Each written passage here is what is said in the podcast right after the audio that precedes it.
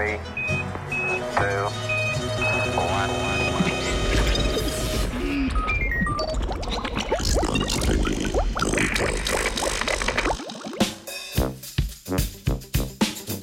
Blatni presadek.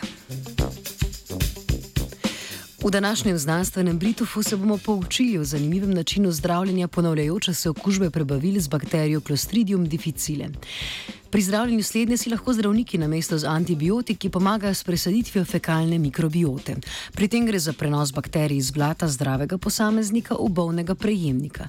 Znanstveniki in znanstvenice iz Južne Koreje in ZDA so primerjali ceno in učinkovitost postopka glede na to, ali so darovalci blata poznani ali nepoznani.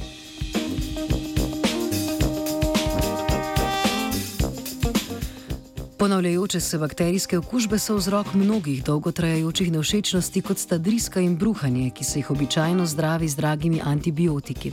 Presaditev mikrobiote blata se je izkazala za učinkovito, saj pacijentu povrne mikrobiotsko raznolikost.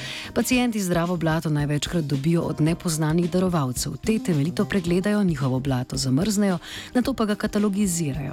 To blato je na voljo vsem bolnikom, znanstvenike in znanstvenice pa je zanimalo, kako na zdravje vpliva sveže blato poznanih osebnih darovalcev.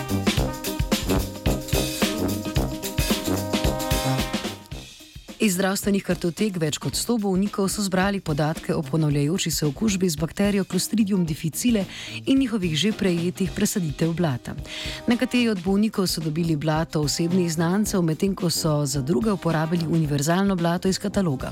Na to so primerjali izvide, neželene učinke in ceno priprave oziroma nakupa blata.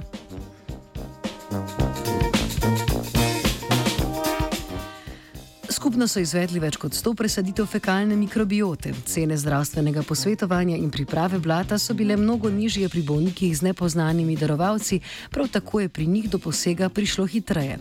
V obeh skupinah so se pojavili enakovredni stranski učinki in ponovitve bolezni.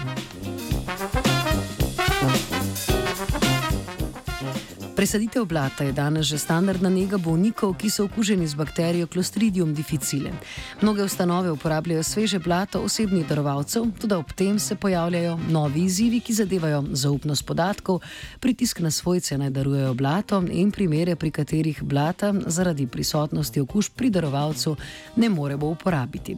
To lahko povzroči tako čustveno kot psihološko škodo pri darovalcu in prejemniku. Poleg tega so prejemniki, se prejemniki veliko krat ne zavedajo, zavedajo, da se v primeru poznanega darovalca strokovnjaki dlje časa posvetujejo o nalezljivih boleznih.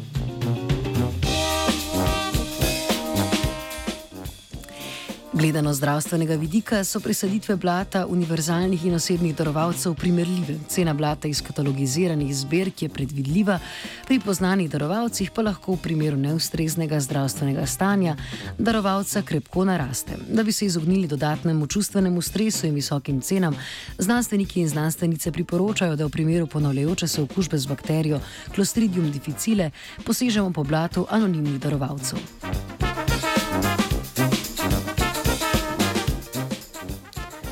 Z blatom se je ukvarjala živa. Ali hodiš redno na blato? Ne, samo vsak rokotočec.